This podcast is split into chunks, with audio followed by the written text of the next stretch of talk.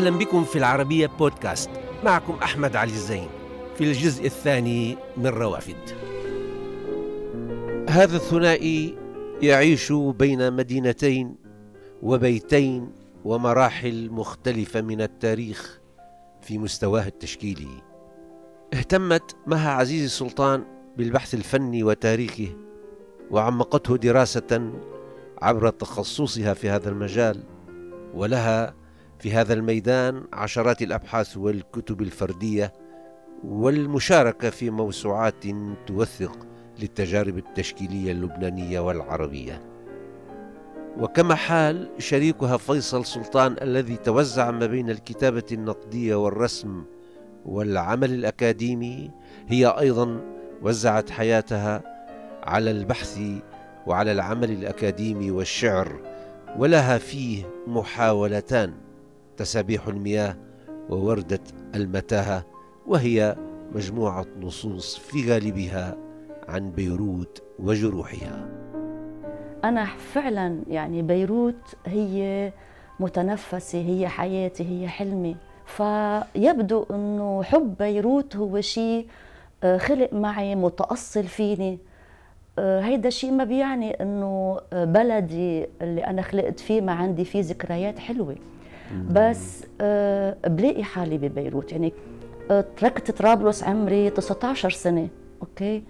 وعشت كل حياتي ونضجي ومساري الفني والكتابي والتعلمي ببيروت.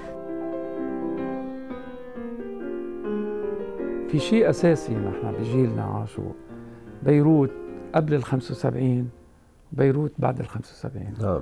قبل قبل ال 75 كيف كنا نرسم؟ بحر بيروت من مقهى الحج داوود. وكيف كنا نرسم بيروت من الروشة منطقة الروشة. كيف كنا نرسم بيروت بوسط بيروت يلي هي آه، ساحة البرج.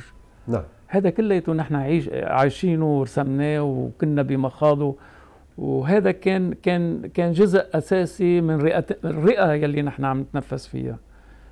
لأنه هالرئة هيدي كل المعارض وكل دور النشر وكل الكتب والمكتبات والسينميات السينما وكلياتها والمسرح موجود في بيروت. فجاه فجأة بصير الحرب الأهلية تتدمر كل هالأماكن.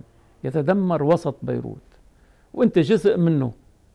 ولذلك صار هو هاجس أساسي عنا. إنه نرسم هالدمار هذا يلي هو دمار روحنا صار. نعم تماما. كثر مقيمون وعابرون وقعوا في فتنة المدينة. يوم كانت ملاذا وحضنا لكل باحث عن معنى لحياته ووجوده. الحرية لعل الحرية والمنابر المختلفة التي أتاحت فرصا للتعبير لكل مريد جعلها مقصدا للقادمين من الأطراف ومن البعيد الآخر من عواصم ومدن. كانت طارده لمبدعيها ومفكريها. سحر وقع فيه الكثيرون منهم هذا الثنائي. حاول كل منهم إيجاد مطرحا له وهكذا تابع فيصل مشروعه رساما اكاديميا باحثا وتابعت مها الاشتغال على ذاتها باحثة أيضا عن معنى لوجودها. بكل الأحوال أنت عندك تجربتين بالنصوص هذه النصوص المفتوحة على الشعر والنثر يعني بشكل عام. يعني لماذا لم تبقي في هذا المطرح يعني؟ ذهبت إلى إلى اشتغالات أخرى. إيه؟ شو اللي سرقك من الشعر على المطارح الثانية؟ مطارح الفكرية والنقدية وال... مزبوط. أه بتعرف هو خيار؟ كان خيار لابد منه كان لابد منه نعم. طبعا. يعني المستلزمات الحياة بالنهاية بتحطك أمام أنك أنت لازم تلاقي مكان حتى تلاقي وظيفة لحالك تكون ثابتة لتقدر تعيش منها. يعني على الأقل تستثمر شهاداتك اللي أنت حصلتها أوكي؟ صحيح. حتى الفترة يلي كانت قطع ما بين هالكتب هيدي وتجربة باريس وفيصل وقت اللي راح حتى يعمل دكتوراه وقت رحت أنا حتى تسجلت كمان حتى أعمل الدكتوراه. هي مرحلة تحسين الوضع ال ال ال ال الاجتماعي والمعيشي ببيروت في ذلك الحين. صحيح. هلأ بالنهاية إنك أنت تكون أستاذ وإنك أنت تصير تنتقل من إنك تعيش مزاجك كشاعر أوكي؟ متشرد تسافر على ذوقك وتعيش على ذوقك. وقتك ملكك تتأمل الطبيعة تعيش آه، آه، يمكن تحب ما تطلع من البيت يومين ثلاثة وأنت قاعد عم تقرأ. وهذا كان هواية طبعا. وما بين لكن إنك الحياة أنت بدها شيء تنصرف آخر. للحياة بدها شيء آخر. بدها شيء آخر. نعم صحيح صحيح. هلأ بالنسبة لي أنا المعاناة الأساسية إنه الحرب كانت كانت قطع أساسي بنتاجنا أوقات. إنه بتعرف أوقات أنت بدك مصادر العيش أكثر ما إنه مصادر الإنتاج. بتلاقي انه إنه الفنان اللبناني رغم كل الوجع رغم كل المصائب رغم كل هذا كان كان في إنتاج وكان في نوع من من آه، آه، إصرار على الحياة نعم نعم كنا نروح تحت القصف لحتى نحضر مسرحية أو نحضر أو, أو نحضر معرض عرفت كيف؟ نعم. نعم. هذا هالشيء بيأكد على على آه، شعور إنه إنه الحياة لازم تستمر وإنه الثقافة هي هي الرد الفعلي على هالكل الكوارث اللي عم تصيب على هالهمجية الهمجيه نعم. نعم. لقد وجد فيصل مطرحا موازيا للوحته في بيروت وذلك عبر كتاباته النقدية وأبحاثه. كذلك مها انصرفت كليا للبحث في تاريخ الفن ومراحله ومحطاته وأكدت حضورها في هذا المضمار عبر أبحاثها العديدة واحتكاكها اليومي مع المبدعين ومتابعة إنجازاتهم وتجاربهم. وكما كانت بيروت منبرا للسجال الفكري والسياسي كانت أيضا مختبرا للإبداع في كل تجلياته وبالتحديد منه الحركة التشكيلية العربية وحتى العالمية. لك بيروت هي هي المختبر الفعلي للفن التشكيلي العربي وأنا قلت لك يا سابقا نعم. هالشيء. هلأ آه، في تجارب كثير أساسية فاتت على النسيج الشرقي من آه، وخاصة الموتيفات البدائية والزخرفية البدائية بنتاج سعيد عائل. وفاتت كذلك الأمر بالتجمع الشرقي يلي تكون مع سيليوس كامينجا ومنير نجم وعادل الصغير. عادل الصغير كان كتير من من المميزين بهالنسيج هذا. وبتعرف أنت آه، سنة 67 لما صارت الهزيمة العربية بيروت صارت هي المنطلق الأساسي لإعادة تجميع هالروح العربية بالفكر الفني والثقافي مثل ما كان يقول نزيه خاطر هي المختبر الفعلي للفن التشكيلي العربي يلي بلش يتكون أساسه بأول معرض بينال عربي أقيم ببغداد عام 1971 ولكن الصدى الأساسي لنشر التجارب العربيه كان من بيروت. كانت بيروت. نعم. كانت هي الاستقطاب. تعرف بيروت بأواخر الستينات كانت هي هي المركز الإعلامي المصدر الأساسي. بعدين كان في عندنا جاليريات كانت تستقطب ما بس الفن العربي كانت تستقطب كمان الفنون الفنون العالمية فنون باريس. كانت بيروت آه، تلعب الدور الأساسي بتحريك كل الفكر الفني العربي. مرحلة انعطاف الفن. نحو مرحلة ما بعد الحداثة تأثيرات البنات العربية ودخول الفنون المعاصرة على على على الفن. كمان أحدث تحولات كتير غريبة يعني عواصم كانت مهمة بحقبة الحداثة. في عواصم أخرى كانت غير منظور دورة مثل دول الخليج العربي. تبوأت مكان الصدارة بفنون المعاصرة. أوكي؟ من خلال وجود ما يسمى ببناء الشارقة بينما بقيت الدول الأخرى متمسكة لسه بميراثها العريق الحداثي يعني اللوحة والمنحوتة وميراث المتاحف. بينما هالدول الخليجية وهذا الشيء بأيدني بالرأي كمان كثير من النقاد العرب من أمثال أسعد عرابي طلال معلى بفتكر كلنا كتبنا عن ظاهرة تأثيرات تأثيرات مجيء فنانين أجانب جابوا لنا البرفورمانس والفيديو ارت والانستليشن ارت وحتى الديجيتال ارت والوسائط والخامات الجديدة على على الفن بشكل على إنه قدم قدم دورات ال biennale على حقبات متتالية. أمام جيل شاب من الفنانين العرب احتمالات لم تكن موجودة من قبل. يعني أصبح والعصر بحد ذاته مثل ما أنا بقول بكتاب الهوية الراهنة. الزمن بحد ذاته كان جامدا قويا متماسكا ومن ثم بمرحلة المعاصرة أصبح سائلا. كان في ببيروت شيء اسمه دار الفن والأدب. دار الفن والأدب هو هالنسيج الثقافي هالخلية الثقافية اللي كانت تجمع المعماري مع المسرحي مع مع الموسيقي مع مع مع المفكر الفيلسوف مع المفكر السياسي كلياته هالخليط. ولذلك أول معرض انعمل فيه نوع من الانستلاسيون آه، كان بالستينات ببيروت قبل ما تعرفوا العواصم العربية كلها انعرف بدار الفن والأدب. لذلك أنا بعتقد إنه الظواهر ال installation يلي هو تفكيك بنية بنية اللوحة وبنية المنحوتة وبنية العمل التشكيلي هي كانت من من من تأثيرات الحروب يلي نحن يلي عشناها وعاشتها أوروبا عارف كيف؟ نعم ما ما اجى جزافا برجع ل ل ما بعد الحرب العالمية الثانية إيه؟ لما بلش شيء اسمه Biennale Venise Biennale Venise بلش يستقطب كل الظواهر يلي أخذت تأثيرات الحرب العالمية الثانية على على على الفن صحيح. لما بيجي آه، بوري بيعرض اللوحة الممزقة اللوحة المحروقة اللوحة كذا. لا لا. يعني بلشت بلشت اللوحة تفقد مع تفقد دلالاتها كنسيج آه، آه، مثالي. صارت اللوحة مش مثالية صارت هي عبارة عن جروح الحياة عن عن صدى معاناة الإنسان للتعبير عن الصرخة الداخلية. هالشيء هالشيء هذا آه، ولد تيارات واتجاهات كثير كبيرة بالفن. هلا في الغرب في الغرب أعيد تعريف الفن. أعيد تعريف الفن في الانتقال من فنون المتاحف التي يعني اللي هي عندها ميراث كبير. كبير كبير وقرون من الفن.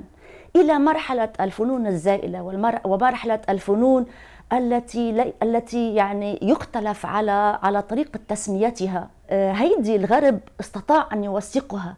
نحن بعالمنا العربي حرقنا المراحل. حرقنا المراحل. ليه؟ لأنه نحن آه، يعني لم نستطع أن نوثق نحن أصلا أساسا العمر الفني العمر الفني لتجربتنا البصرية والتشكيلية هي متفاوتة. طبعا مصر هي الأقدم بين المدن القاهرة كانت المدينة الكوزموبوليتية ومن بعدها بيروت. ولكن التجربة الحداثية إذا بدنا نقول الحداثية بمعنى ما بدأت بالثلاثينات الأربعينات وصعودا. فإذا منا منا هالتجربة الكتير كبيرة حتى تسمح بهالنوع من التوثيق والتراكم الذي يتيح عملية الارتياح يعني الانتقال المريح من مرحلة إلى مرحلة. من مرحلة إلى مرحلة.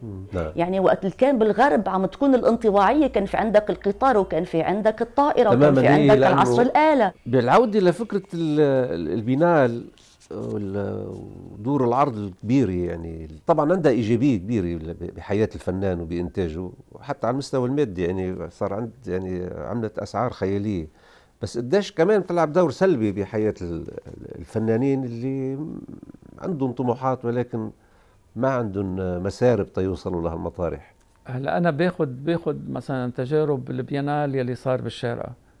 بفترة من الفترات بيانال الشارقة كان عنده آه، مركز ثقل بالحياة الفكرية العربية. ليش؟ لأن كان يستقطب كبار الفنانين ويعمل لهم نوع من آه، تكريم لهم وبنفس الوقت يستقطب كبار النقاد والباحثين. هذا بعتقد أنا هون البيانالي كان له دور كتير حاسم ثقافي. الشق الثاني من السؤال أنه آه، بيأثر على على الفنانين. إيه.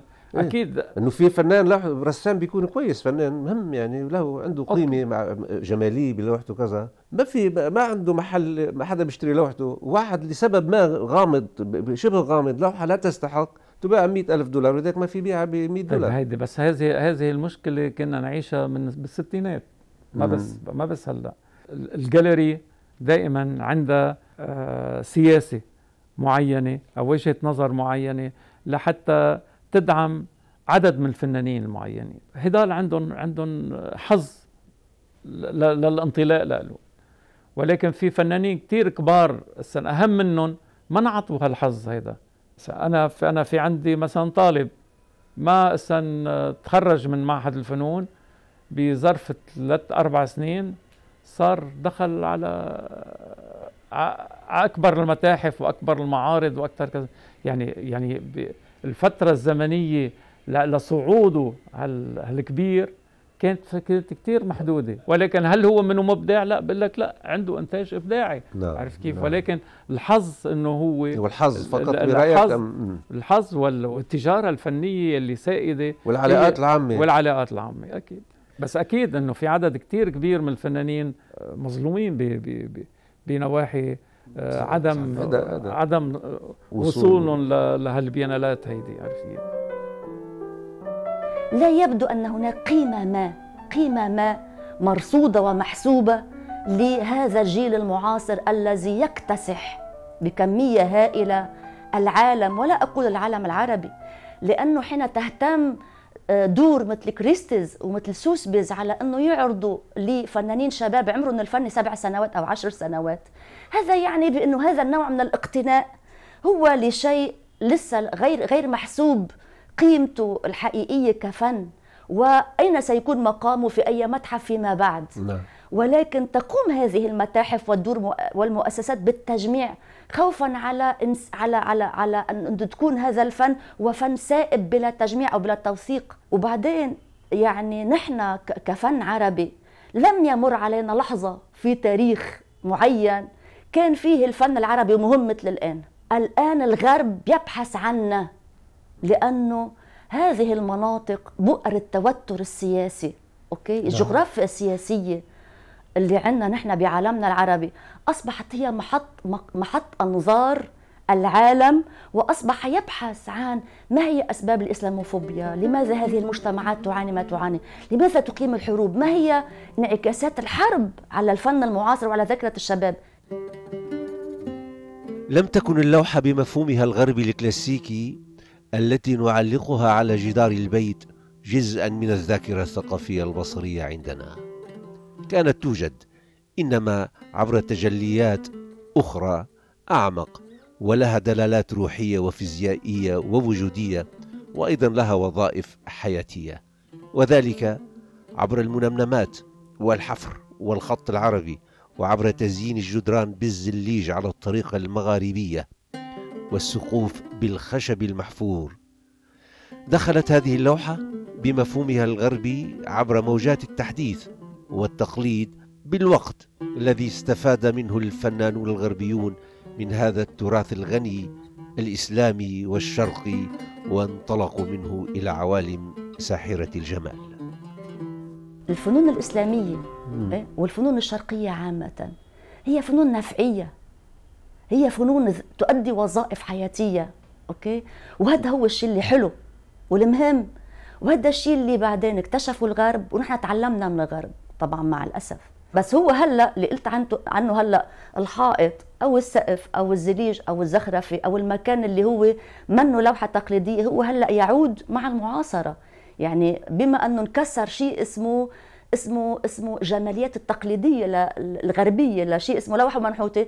رجعنا نفتش عن وسائط كانت موجودة من قبل هالفنون هيدي وكانت موجودة عندنا وعند غيرنا وهلأ عم نرجع نستعيدها. بس هالفنون هيدي يلي يلي يلي عظمت عظمت هالفنون الشرقية والفنون الإسلامية. أنك أنك كنت تعيش محاط بهالات وبأنواع من الجمال من الآنية إلى الملبس. إلى السقوف إلى الجدران إلى الأزياء إلى القماش إلى السجاد إلى المسجد إلى البيت إلى العمارة. كان في كل متكامل. لأن كان هناك فكر فكر. لأن هناك كل جماليات يا أستاذ أحمد في وراها فكر إيه؟ بس حتى انقطع هذا الفكر أوكي؟ اللي كان هو يعتبر فكر حضاري. يعني هالثقافة الشرقية يلي عملت إلهامات للغرب اللي بلشت بالنص الثاني من القرن التاسع عشر. واستمرت طبعا مع بيكاسو واستمرت مع كاندنسكي ومع ميرو ومع كل مع بول كلي خصوصا وخصوصا مع ماتيس. يعني ماتيس قال إنه خلص أنا لقيت بالفن الشرقي الفنون الإسلامية هي إلهامي لقيت حالي فيه.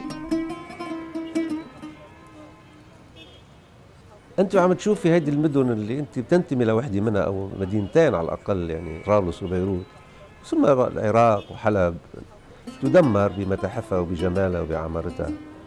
وأنت معنيت مباشرة بهذا الموضوع يعني خلال شغلك على هالجماليات اللي التي تم تمحى يعني بضرب تمحى. تنتهي شو بتحسي؟ أقصى الانكسار. مم. أقصى الخسارات. خسارة الثقافة أق... هي هي أقصى الخسارات. هيدا الشيء علمنا إياه التاريخ التاريخ اللي علمنا إياه. بتعرف وقت اللي كانت وقت اللي كانت في بالحرب العالمية الأولى والثانية بكل الدول الأوروبية من دون استثناء ماذا كانت تفعل؟ كانت تدفن تحت الأرض كنوزها تخبيها نعم. لوحاتها حتى تحافظ عليها على هالارث هيدا. نعم. بينما نحن بينما نحن هذه الحروب والهمجية المدمرة بتعرف نحن ما عندنا قيمة للتراث نحن ما عندنا قيمة للفن وحتى ما عندنا قيمة للإنسان أساسا ما عندنا قيمة للإنسان بالنهايه بالنهايه نعم. بالنهاية المتحف متحف هو ثقافة أجيال يا أستاذ أحمد نعم. المتحف ثقافة أجيال نعم. والأثر هو شيء هو شيء ولكن الزمن هو بيعمل منه معنى. أثر متحفي نعم. بيعمل منه معنى. نعم. يعني أنت إذا كنت دمرت متحف أو مبنى متحف معناتها أنت قتلت جيل. على كل حال آمل أن تكون هذه الإطلالة على تجربة هذا الثنائي قد أضاءت بعض جوانب من مسار حياتهما بهناءتها وانكسارتها بين مدينتين وحلم. أعزائي يمكنكم متابعة روافد على مواقع التواصل الاجتماعي تويتر وفيسبوك ويوتيوب. كما يمكنكم الاستماع إلى روافد على العربية بودكاست.